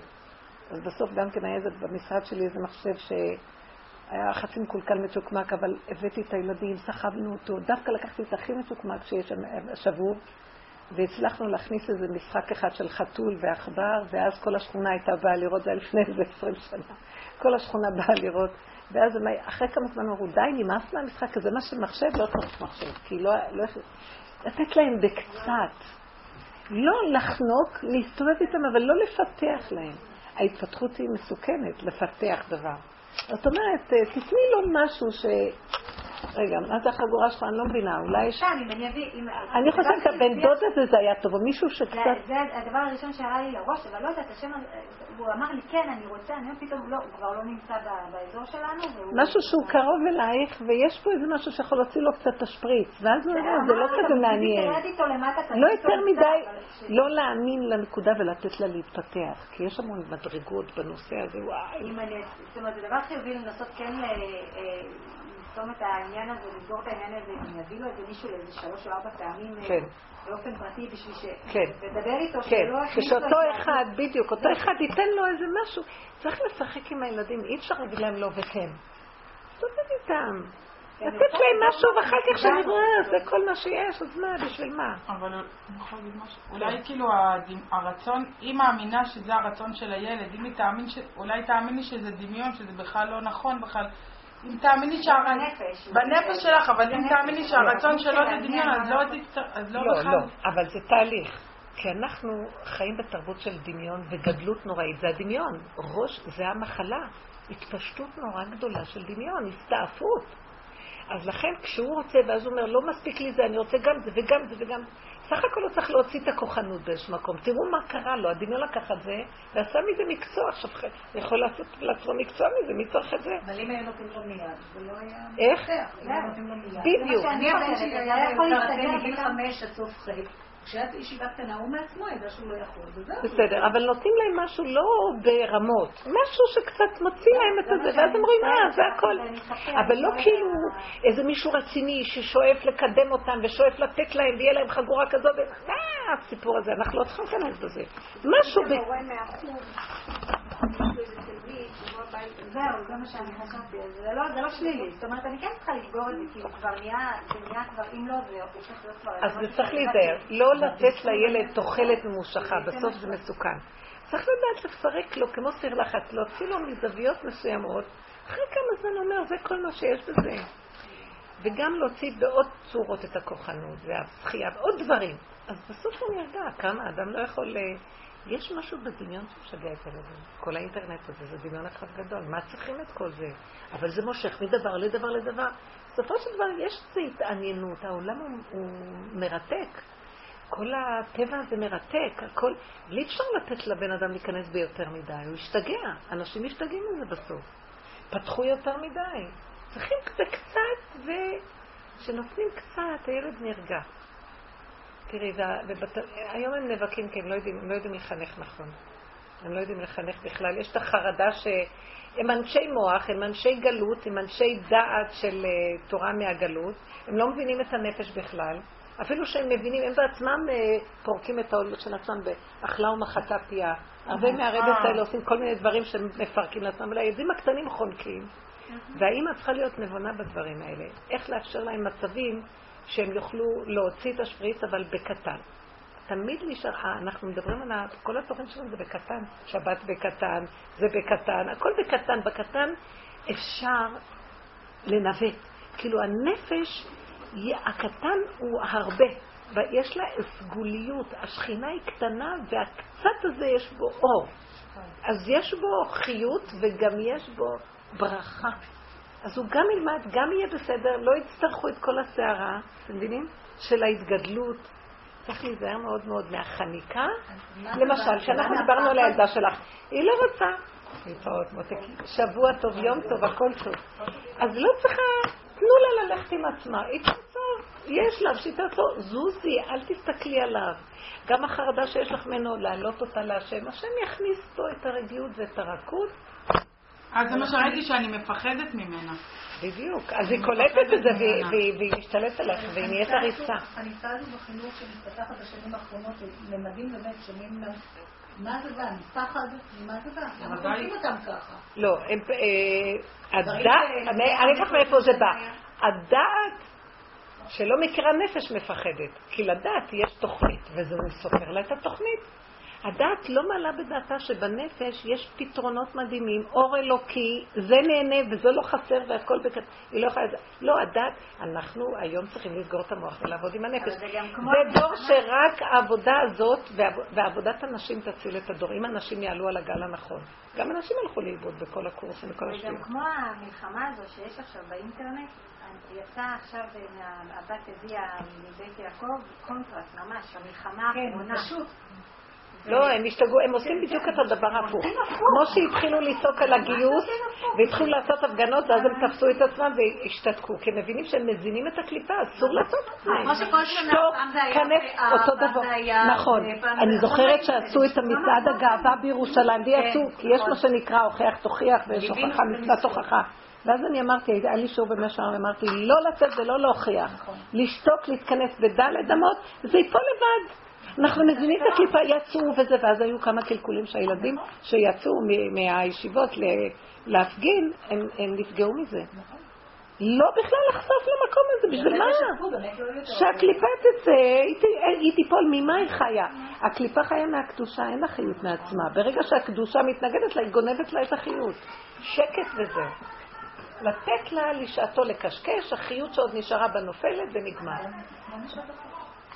נשות הכותל, מה יש שם? שעושים את הרעש כל הזמן, אז נותנים להם יותר. לא, כי זה כל השיטה, שפעם יש מצווה תוכיח, תוכיח, ובדורות הקודמים זה עבד, בגלל שאנשים, הייתה להם איזו יראה ופחדו מהתוכחה היום. לך תילחם עם עשב, תוכיח אותו. מי הוא? בכלל עשב מנפנף אותך בזווית שלו בכלל. אסור, ואז הוא בולע את הקדושה. הלו, יצחק אבינו מאוד אהב את עשב, כי הוא ראה שיש בו ניצוצות מאוד גדולים. כי הוא יכול לעבוד, יש לו שלילה גדולה, ואם נעבוד עם השלילה, להעלות אותה להשם מבחינת עבודת הפגם, יהיה מזה אור גדול להקים את השכינה. מה הוא היה עושה? הוא מקרין לו אור כדי שדרך זה הוא יעשה את העבודה. מה עשה עשב הרשע? לקח את האור הזה ועוד יותר קלקל. במקום לעשות תשובה, התכבד באור הזה. אז אנחנו בסכנה, עשב זה מסוכן, לא עובדים איתו בכוונות האלה. נותנים לו את הנקודה שלו עד שהוא נגמר והולך, האנרגיות נגמרות. להסתובב, זה העבודה, מול עשב עובדים ככה, לא עובדים ככה. לעקוף, לעקוף, להתמעט, להוריד ראש, לעקוף, והוא נופל. הרבנית זה נקרא כוח הצנטרפוגדי. אה. זה כאילו כמו שהמים יורדים ובסוף... יפה, כוח האנרציה, ונעלם. זה הולך לכיוון אחר. למה את מנסה דרך המקום הזה למעלה לעבוד איתו? הוא מקבל מזה כוח ולכי עכשיו תשרשי אותו. הוא גונב את הקדושה ומזה הוא חי. מסוכן מאוד גדול. אז, אז הם לא מבינים את זה בחינוך, לא מבינים, הולכים, אבל זה גוף מה שיפיל את כל המהלך, כי השם רוצה להפיל את הבית יעקב. הוא רוצה להפיל את כל הצורה הזאת של ההשכלה הגדולה. חומות הגטו אה? חומות הגטו. כן, לא, חייבים ליפול, ואז זה חומות ירושלים ייבנו, mm-hmm. כי זה לא חומות נכונות. העובדה שאם זה, ועבדו מאוד יפה בכל הגלות, יש סכנה מאוד גדולה שכל עבודת הגלות תיפול ברגע אחד, קליפה תיקח אותה. יש עכשיו מלחמה נוראית בין הקדושה לטומאה. אם לא נבין נכון ולא, שיקחו חלק ויעשו את העבודה הזאת, כל מה שעבדו כל הגלות ברגע אחד הקליפה באה, בולעת ולוקחת, מה שהיה עם השואה. זה מזעזע. צריכים לתפוס את הנקודה של ההתמעטות ולהעביר את זה להשם. כמו החור השחור בחלל, שזה לא. מאוד מסוכן, זה בדיוק המקום הזה, זה מאוד מאוד מאוד מסוכן. גם שלושת השבועות לא קיימים. אם אנחנו נמצאים בשלושת השבועות, זה המוח עושה את זה, אני לא מסוגלת, תשעה באב, צום, אני לא יכולה, אני סוגרת את המוח, לא מרגישה, לא מרגישה, ואם השם מספק בידי, אז צמא, כן, מספק. כשהמוח נרגע, זה לא כזה. זה את חיה רגע ועוד רגע ועוד רגע וזהו. לחשוב שלושת השבועות, דיכאון, שיוורון, ייאוש, והאנשים היום לא יכולים לעמוד בזה. כלום, אין כלום, אין בזה כלום. מה קרה? אני לא... ההתאבלות היא רגע, רגע, רגע, יסוד הפגם והחרדה שמא אני אלך רחוק ואני שובר בזה את חומות ירושלים הקדושה וזה חורבן. הלוא י"ז בתמוז זה שבירת החומות. אדרבה, אם אני רוצה שהם ייבנו, אני צריך ללכת באיפוק, החומות נבנות מאליו, האיפוק יוצר את החומות. את יודעת מה ראיתי? זה לא סתם ימי בין המצרים. תכניס עצמך למיצר של הצמצום, זה ייבנה מאליו, לא צריך לעשות כאן שום דבר. למעשה זה בנוי, אצלנו למשל, זה כבר ימים של מתיקות, מה? השם יעזור, תיתן מתיקות. ראיתי שביום הצום, דווקא ביום הצום הוא פתח לי לסדר את הבית ולנקות. ואז אמרתי לעצמי, למה את מנקה דווקא ביום הזה? מה, את מחורפנת? אבל באמת, גם ראיתי מצד הנפש שיש לי את הרצון, וגם אמרתי שהחורבן האמיתי זה, זה המקום הזה של הפגם, זה, שנהיה הפגם זה החורבן. אז כאילו, זה האבל לא, שלי... לא, שהפגם לא מחובר לבורא, זה החורבן. פגם נולדנו, אנחנו פגומים. מרגע שנוצרנו, נוצר הפגם. כי ברגע שהשם ברא אותנו, זה מציאות הנפילה. אבל לפני חטא הדת לא היה פגם, לא? אנחנו נפלנו ממנו ונוצר עכשיו, נברא. אבל לפני החטא לא היה פגם, אז מה? לא, הפגם זה לא מילה רעה. אחר כך נהייתה קונוטציה שלילית. הפגם זה הנפילה. זה המציאות שהאדם, פה גם. הוא הפה, וגם האדם הוא פה. אתם מבינים? הוא כאילו, אבל פה גם. זאת אומרת, באיזשהו מקום, הוא לא כמו הפה של השם, זה עובר דרך איזו נפרדות מסוימת. זה כבר לא הוא אמר ויהי. חפצו קשורה ביכולתו. הוא אמר, ברגע שהוא רוצה משהו כבר יש אותו. אצלנו אנחנו צריכים לעבור איזה תהליך כי התנתקנו מהיסוד שלנו. אז יש מציאות הפגם. אז בואו ניקח את היסוד הזה ונחזיר אותו לשורש. אנחנו מתחברים לפה אל פה ידבר בו. זה נקרא פה אל פה ידבר בו. אז הוא מדבר בו. זה הפגם הוא לא שלילה, רק להכיר ולעלות. להכיר ולעלות. הפגם הוא הסיכוי שלנו להתחבר לזה. זה היהלום שלנו. אבל בא המוח של עץ הדת, הוא אומר פגם, כי הוא מדומיין שהוא מושלם. וזה הניתוק. זה הגניבה וייתן כאלוקים. אני מושלם, כי אני כאלוקים. אתה לא רואה את הכף הזאת. זה יסוד מאוד מאוד עמוק. להכיר את הפגם ולעלות. מה הפגם שלך? הלחץ הכפייתי עכשיו, להשכיב את הילד הילדה ואיך שאת רוצה. הלחץ הכפייתי, להתנגד לו, כי השכל אומר, לא נותנים אה, חגורה. אני יודעת מה זה. כל מיני מצבים. אז להכיר את זה ולהגיד, אבא, תעזור לי, תיקח את הדבר, תפעל אתה, תן לי, אני מסוכנת. כי המוח יתגבר עליי והוא יוציא את זה לפועל. אנחנו חיים חיי מוח. מוח שאומר דעת והצדקה, ומיד לפעול. אין להצדיק את המוח. אני לא יכול עם המוח הזה והמסקנות שלו לפעול. להעביר את זה לבור עולם, כי הוא מסוכן, הוא יוציא לנו פעולות לא טובות. או חרדות וחונקים את הילד, או הפקרות נותנים לו הכל. אני זזה ומוסרת את זה להשם, זה גדול עליי, אני אומרת לו. ותתחילו לראות שבדבר הכי קטן זה גדול עלינו. לא רק עד שקורים דברים גדולים. אני ראיתי איך אני מפריעה לכל הנושא הזה של הדין תורה, אני מדי מעורבת רגשית. גם עם כל זה אני בכלל לא, אבל גם הקצת הזה, אני מצאתי לאנשים לפעול, גם הקצת שאני מסובבת את הפנים כאילו אני עוזרת לבעלי, יותר, אני עושה לו יותר גרוע. תעזבי, לא קשור אלייך, תמסרי את זה לה, שתצעקי אליו שאת לא רוצה קשר לזה. את לא רוצה גם שזה, מצידי שזה יהיה על בעלי, אבל מצד שני אני אומרת, הוא יבוא ויגיד לי, תביאי כסף, כי צריכים לשלם על זה. אני לא רוצה שיהיה גם על בעלי, כי אחר כך, כאילו, זה יעלה לי. אז אמרתי לו, לא, שגם תיקח ממנו ממני, כי ככה לא אכפת לי, ראיתי שלא אכפת לי שזה עליו ולא עליו. אבל נזכרתי שאם זה עליו, זה בסוף יחזור אליי. אז התחלתי להתפלל גם עליו. ומצידי דווקא שידפקו אותו. כן, מרגיז אותי, עושה שטות. הוא לא הקשיב לי לפני עשר שנים. שמונה. ועכשיו אני, היה לי נקודה של כאילו נקמנות. ואז אמרתי, לא, אבל לא כדאי לך, כי זה מה יעזור לך? זה הרגיע אותי, האינטרסים זה עשר, בסדר גמור. כי אם לא, מה? אני מצטערת שאני מדברת כל כך הרבה. גם אני מדברת. אם אנחנו לא נדבר, לא יהיה פה שיעור. נכון. אה, בשבת קראתי בשבת או ביום שישי? בשבת קראתי מכתב, בשבת, ביום שישי. לא זוכרת באיזה. שבת מתחיל ביום שישי. לא, כאילו קודם, ערב שבת. בקיצור, קראתי מכתב ארוך על... אה, של אושר? כן, של. מהספר של אמרי אשר. מהספר אמרי אשר, אה, מכתב, תקשיבי, זה ארבעה דפים, אמרתי לו, רב אושר, רק שאלתי שאלה קטנה, מה אתה נותן לי מכל של מגילה? טוב, בקיצור, אני קוראת.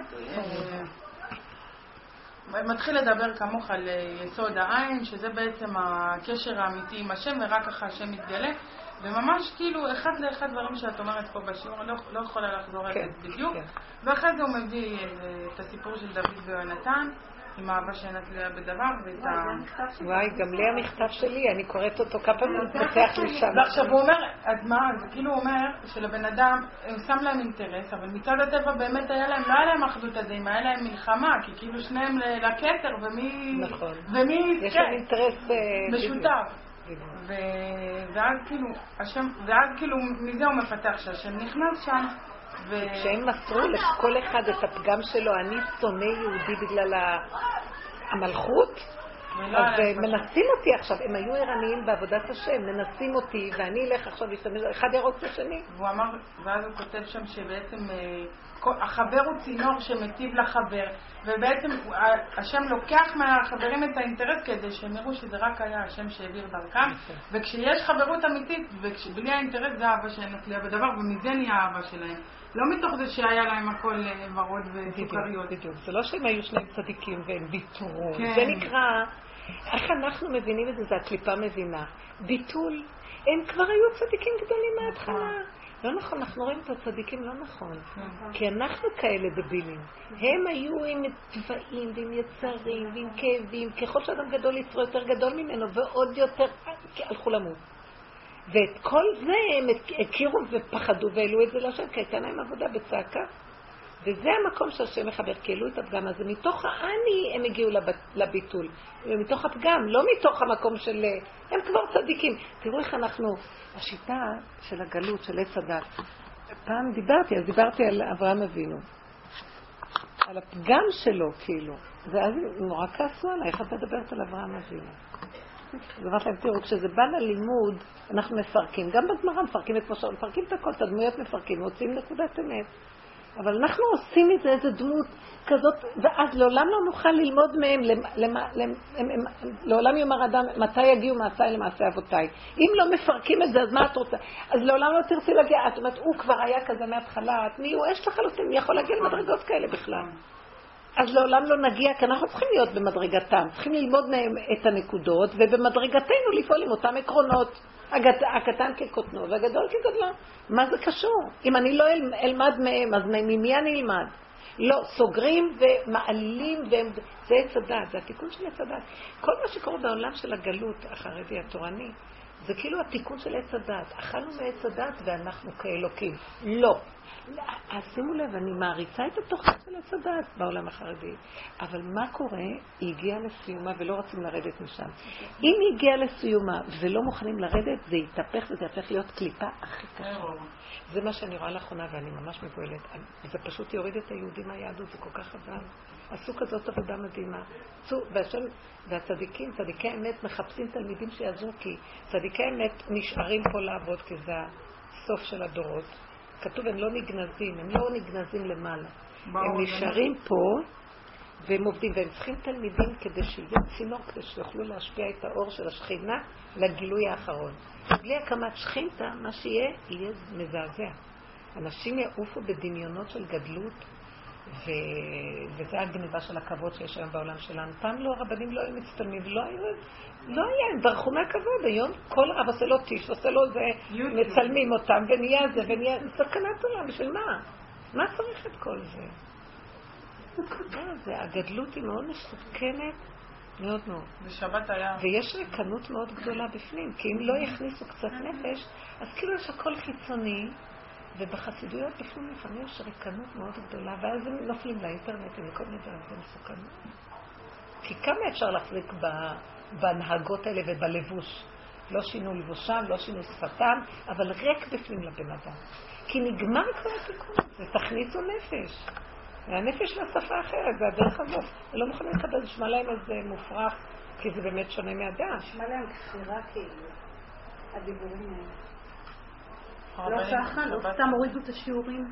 לא, כי דווקא הוא אמר שיש בזה אמת גדולה, ורק הוא מפחד שאנשים לא מבינים, אל תפחד. בדיוק. יש השם מי שינהל פה, מה אתה נכון. במקומן? נכון. אני מפחד שלא יבינו אותך נכון.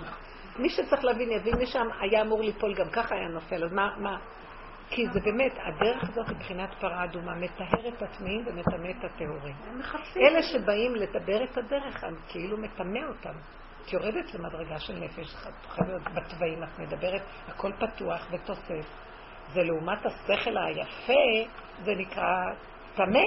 אבל זה מטהר את אלה שנפלו למטה ומקבלים פתאום חיות ומתחילים לעלות לעבוד. אז מה אכפת לך? האנשים האלה שעושים את זה, הם שליחים לעשות את הדבר הזה, זה השם נותן להם. אבל... בסוף הוא יתקן את הכל, אבל הם שליחים לדבר. אז מפחדים לטמא את הטהורים. אבל. זה בסדר, זה לא נקרא לטמא. אני ראיתי שכשאני עובדת בעבודה הזאת, כן, היה לי איזה מקום ששחררתי. שחררתי כמה דברים, שחררתי בנפש, שחררתי את הקפדנות ואת החרדה של החרדיות, אבל השם שומר על המסגרת, הוא גם שומר, וההפך נהיה לי עוד יותר רצון לאמת של התורה, עוד יותר הכרה בעיקר, ולהתעקש לקיים אותו ברמה הנכונה. נהיה משהו יותר אמיתי ודק. יהדות יותר אמיתית, יותר צרופה. כאילו, זה משהו אחר. כל הפרומקייט הזה נופל, כל הדמיונות של, זה מה שהחיצוניות הזאת מחזיקה את היהדות. זה לא חשוב, זה לא חשוב. היה בשבת איזה דבר תורה בקידוש, היה איזה בת מצווה לאחת הבנות של הבת של אחד המתפללים הקבועים, ומישהו אמר דבר תורה, קוראים לה, קוראים לה יעל, לילדה הזאת, יש לה... אז הוא התחיל להגיד על יעל שכאילו היא, לכאורה היא הלכה כאילו נגד, נגד ההיגיון שהיא מפתה את uh, סיסרא. ואומרת לו בוא תיכנס והוא נכנס לאוהל ואוהל זה כאילו מושג שבעצם כאילו נכנס אליה הביתה לתוך החדר שינה מה זה מה בדיוק, לתוך ממש האינטימיות הכי גדולה, ובזכות זה כאילו היא מצליחה לגאול את עם ישראל וכאילו היא שינתה את ההיסטוריה, זה מה שהוא אמר, אותו אה, איש. כן, אה, כן, הוא כזה, משהו מיוחד. בקיצור, ואז אמרתי לעצמי, ואז הוא אמר כאילו, הוא התחיל לדבר על אנשים ואנשים, ואמרתי כאילו, נשים שהם הגברים. כי כולם פחדים ממנו, הוא אסר צבא, ואנחנו, ואז כאילו, מה שרציתי לחבר לדיבור שלך, שהעבודה שלך היא דווקא שייכת בנשים, וגם את הרבה אומרת את זה, שבעצם אנחנו צריכים, כאילו, אנחנו צריכות לעשות את העבודה הזאת, ובעצם להיות הצינור של, אמרת, של צדיק האמת, ואז יהיה אפשר להיות פעול, ואז תהיה פעולה פה, וזה כאילו בזכות נשים צדקניות נגאלו, נגאלו, לא... לא, זה באמת נכון, זה, זה שיעור בפני עצמו, זה עומק מאוד גדול, כל הנושא הזה, מה שקרה עם אסתר בבית אה, גם אותה הוא הזכיר. גם אותה הוא הזכיר. ותמר, וכל המהלך הזה, זה היה מהלך... שהוא לא, הוא של הנפש ושל העבודה לא הגיוני, והוא פרץ את הגדר. נכון. ושם התגלה השם. אבל זה מותר לנשים, כי נשים אינן מצוות. הנשים הן בשבע אל תעשה, ורק דרכם יכולה להיות הגאולה, כי יצטרכו לפרוט את הגדר. אבל זו דרגה פנימית אה, לא חיצונית, היא דרגת מדרגת היחידה. זה כל כבודה בת מלך פנימה, ובפנימה זה בינה לבין בוראה, שם זה, זה מתגלה. זה לא עוד דבר בחוץ. כי בחוץ זה בחינה של זנות. אז צריך להיזהר גם לא מדי לדון בזה, זה כאילו נקודה מאוד פנימית. בעבודה שלנו יש גם נקודה מאוד מאוד דקה של צניעות בינך לבין בוראך. לא עניין לספר את זה לאחרים. וזה במדרגת היחידה, הנהגות פנימיות ששייכות לך בכל מיני דברים. לא בדברים שאנחנו... לא, יש עצמה לכת, יש גם uh, סוד בתוך עבודת האמת, שאסור לגלות את המהלכים הפנימיים שלך למישהו אחר. כי זה, הוא יגנוב לך אותם. זה בדרגה, זו בדרגה של, העבודה הזאת היא דרגת נפש, מדרגת היחידה של כל כבודה בת מלך. פנימה זה עבודת הקודש הקודשים, היא דרגה מאוד עדינה ופנימית. אנחנו מדברים כי צריכים לדבר, אנחנו נותנים את ההשלכה על המוח ועל הפעולות החיצוניות, אבל היא מטרתה להביא אותנו למדרגה מאוד מאוד דקה של פעולות שרק את ובורא עולם יודעים, ואת יודעת מה הוא מתיר לך ומה לא. לפרק את זה, בוא נגיד, לפרק איזו נקודה הלכתית. והוא יודע, את יודעת והוא יודע, והוא נותן לך סיבות, ואת בינך לבינו, את יכולה להגיד למישהו אחר, יגיד לך, לא, זה נגד ההלכה, נגיד. בנפש זה דקויות מאוד מאוד דקות. נהיה בקשר שם. זה דקויות שהן... אה, וזה לא דבר בכלל לדבר. אנחנו מתאמנים על הדברים הכלליים הגדולים, אבל מדרכם, אם אדם עובד מאוד מאוד, הוא יגיע לנקודה דקה, פנימית, בהתחלה אני זוכרת שהגעתי למקומות פנימיים כאלה, שהיה לי ידיעה אמיתית מה אני צריכה לעשות, אבל זה ספר לי את השכל. כל מיני דברים, הלכות שבת וכל מיני דברים, ספר לי את השכל. והייתי בחרדה, וכל פעם שהייתי הולכת כאילו לדבר, ראיתי שאני נוחלת תבוסה.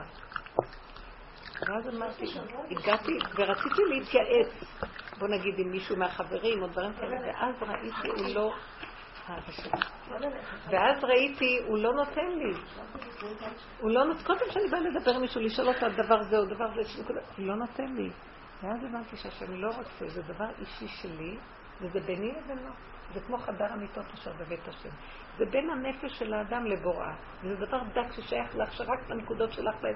זה לא קשור לשכל ולצורה של הקיום השכלי של הדברים. זה דבר מאוד מאוד מאוד דק. שם יש, ואז אני צעקתי, אמרתי לו, כי המוח מציץ עליי והוא לא סובל אותי.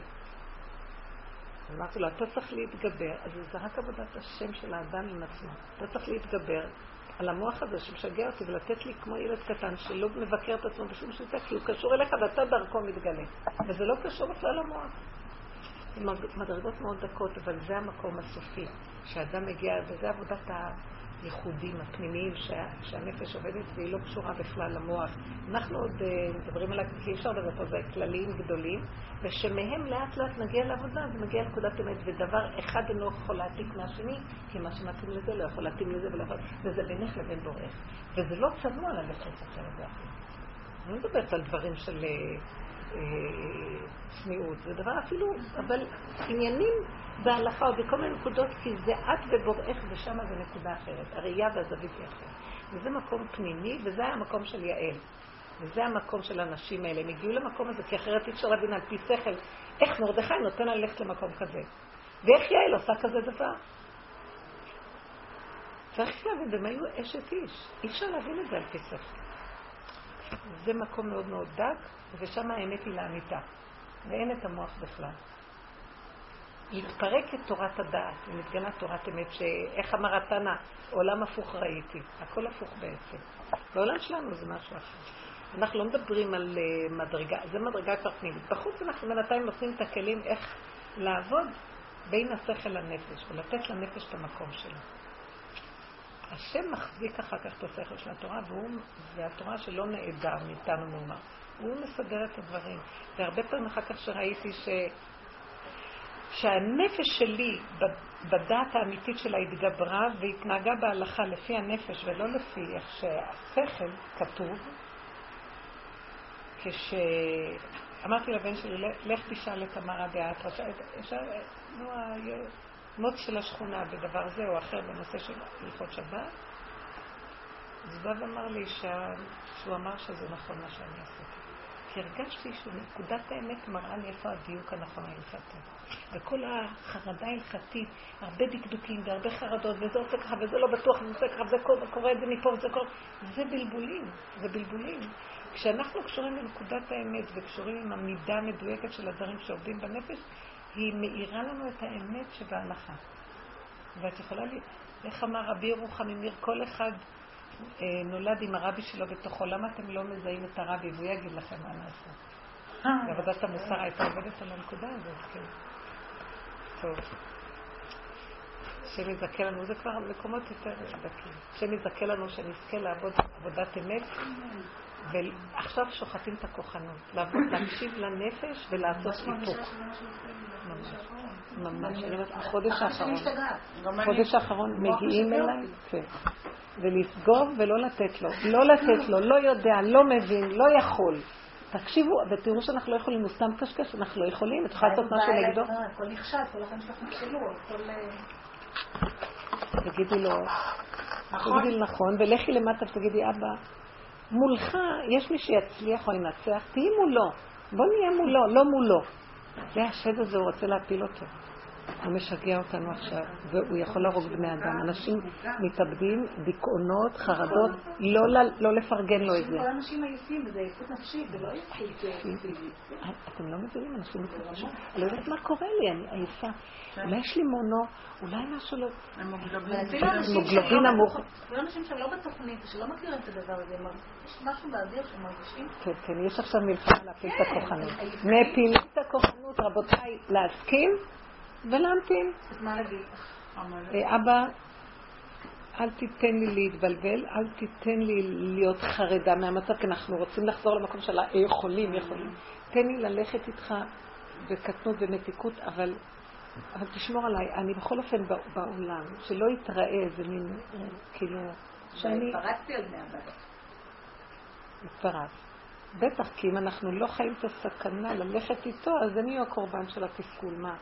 אנחנו מתוסכלים מהמצב הזה, וצריך מאוד מאוד להיזהר. אמן. אני אומרת לכם, איפה שמתחיל הכוח הזה ליפול, אני רואה את הכוח של השכינה. אני לא יודעת לך אני לא יודעת מי זה שעושה כמו איילה, מדלק את הפרצה פה. זה אני גם מרגישה, זה אני גם מרגישה. כאילו, לא, אבל... אני גם מרגישה שהשבתות... לא סותר, זה שני הפעולות. כאילו, הכל הולך בקלות, אבל מין עומס כזה, אבל הכל באמת הולך כמו שאת אומרת. לא, אבל העומס הזה, היה לי גם איזה שלב שראיתי שמתחילה, כאילו, יש לי איזו תחושה של חולשה וסחרחורת, הבנתי שעברתי את הגבול, משהו נגנב מהדעת שמסתכל איזה יופי. אז זה נגנב לקליפה, אז זה מחליש אותי. זה כל הזמן מלחמת כוחות. הכוח צריך לרדת להשם, לתת לו את הכוח. אז לסגור הרבה את המוח, כן. המוח זה הנקודה. אם המוח פתוח, הוא דולף. הכוח דולף. צריך להיזהר. וואי, כמה זה קשה, כי הוא מש... הוא כל הזמן משכנע אותך בהיגיון כן, שלו. כן. לפתוח לו. אז בוא נצעק, אבא, אנחנו לא יכולים לעמוד מול התחכום שלו, רק אתה יודע, תשמור עלינו כי אנחנו פתאים, יונות, פוטות, אין לב, פותחים, פותחים והוא בולע. אני לא יכולה לעמוד מולו. זה כמו פייתון. נחש פיתון. שהוא, יש לו יכולת להיות stretch כזה, והוא פשוט בולע את החיות שלמות לתוכו. כן, שמעתי סיפור נורא, וזה באמת מפחיד, כי הוא ככה פותח, ואז כאילו זה הנחש, אני מרגישה ככה. אני מרגישה את שני הכוחות, אני מרגישה את הפיתון, אבל הוא כאן. פיתון, זה פי האתון. אנקונדה? איך, איך? אנקונדה. אנקונדה. הוא ממש פותח. וואי. הוא יכול לאכול 20 אנשים, דינוזאורים. 20 מטר אה, אורך. כמה? 20 מטר אורך יכול להיות. כן, יש סרט כזה מפחיד. אנשים הולכים לחפש אותו, לא יודע. אז רגע, רגע, למה, בואי, רגע, אני שואל, זה הנחש כן, שהוא. פותח. הוא פותח ויש לו יכולת פשוט, כאילו, פותח. מה גורם שהוא. פותח? מה גורם שהוא פותח? הוא רעב? אתה נכנס, אתה מתקרב לידו. צריך מרחק בטיחות קצת. סיפרת לכם את הסיפור הזה? מה לא אתה נכנס? לג'ונגל? מישהי סיפרה את זה בשיעור. לא סיפרתי לכם את זה? שמישהו היה לה אה, חיית מחמד נחש. לא. נחש גדול, זה כנראה הפיתון הזה. והיא גידלה אותו והאכילה אותו. והוא ישן איתה במיטה. יש איזה דבר שאתה לא יכול להבין. אז היא שמה לב ש... שהוא פתאום התחיל, שהיא נוגעת בו, הוא קשה כמו אבן, והוא לא רוצה לאכול. עבר יום, עבר יומיים, והיא דאגה לו שהוא לא רוצה לאכול. אז היא הלכה לווטרינר. אז הוא אמר לה, בת בזמן, כי הוא מכין את עצמו לבלוע אותך. יש לו שלב, זה השלבים של ההתקשרות, הוא לא אוכלים, והוא מכין את המקום כדי, ואז הוא יאכל אותך, הוא יבלע אותך שלם. כן. אז אה, היא היא הייתה עמומה, היא לא ידעה את זה. ומה היא עשתה? היא מסרה אותו? נסעה אותו, כן. איך אפשר לאכול לך? בכלל, אני לא מבינה את הדבר הזה. אבל ראית? אז? אמרתי כן, לעצמי, רגע, בוא ניקח את זה בעבודת הנפש. מה זה הסיפור הזה מזעזע? אבל אנחנו ישנים עם הנחש בפנים גם. בתוכנו? בתוכנו, ותבינו מה אנחנו פותחים לו. מה זה הוא מתקשה, זה סכנה? כש... או, בואו, זו המילה שמאיר לי. כשהולך משהו קשה, תזהרי תברכי. רק ברכות, רק במתיקות, ומשהו מתחיל להיות קשה. אני זוכרת שהייתה לי תקופה שהרגשתי, אני לא יכולה להירדם מיד, אני אומרת את הקריאת שמע, אני רוב פסוקים, את מרגישה מין אור כזה, שכינה מתוק. ואז את מדברת עם השם, כמו ככה, דוד המלך היה סוגר עליו את השדים, מדבר עם השם, זו שעה שקטה של התבודדות, כל היום את רצה ו... והיה איזה שלב שהרגשתי, וממש, תמיד הייתי נרדמת כאילו מתוך איזה מתיקות כזאת, של עוטף אותך איזה משהו, את נרדמת. היה שלב שהרגשתי שזה מתחיל ככה, ואחר כך כאילו האנרגיה משתנה וזה נהיה מפחיד כזה, משהו לא כל כך טוב. ואז הייתי מאוד נבהלת. והייתי כמה אומרת פסוקים לזה. ואחר כך ראיתי, הבנתי את הנקודה, שיש איזה שלב שיכול להיכנס איזה משהו, כשזה הופך להיות אנרגיה שלילית, אנרגיה מפחידה, אנרגיה לא נעימה, לא רכה, לא, לא של מתיקות וערבות שכינה. תדעי שזה סכנה. זה סכנה עכשיו, קליפות נכנסות, לא יודעת מה. אז אותו דבר כשיש לנו איזה מעברים בנפש, ואת מתחילה לראות, את נאבקת, את נלחצת, מתחיל להיות מתח עם הילדה, הכל... תזהרי, הפיתון מכין את עצמו לבלוע. לא הולכים. לא לעמוד מול הקושי ולהתמודד. במהלך הראשון של עץ הדת, דווקא לפונקציה האגרה והתגברות, אנחנו בסוף, העבודה תהיה, אנחנו מסוכנים מאוד מאוד בשלב הזה. הוא יבלע אותנו פי כמה. את לא תתמודדי עם שום דבר קשה. כל דבר שהופך להיות קשה. ואני ראיתי מה שקורה לי. אני מוסרת חשבונות למישהו אחר כי אני נכנסת בלחץ.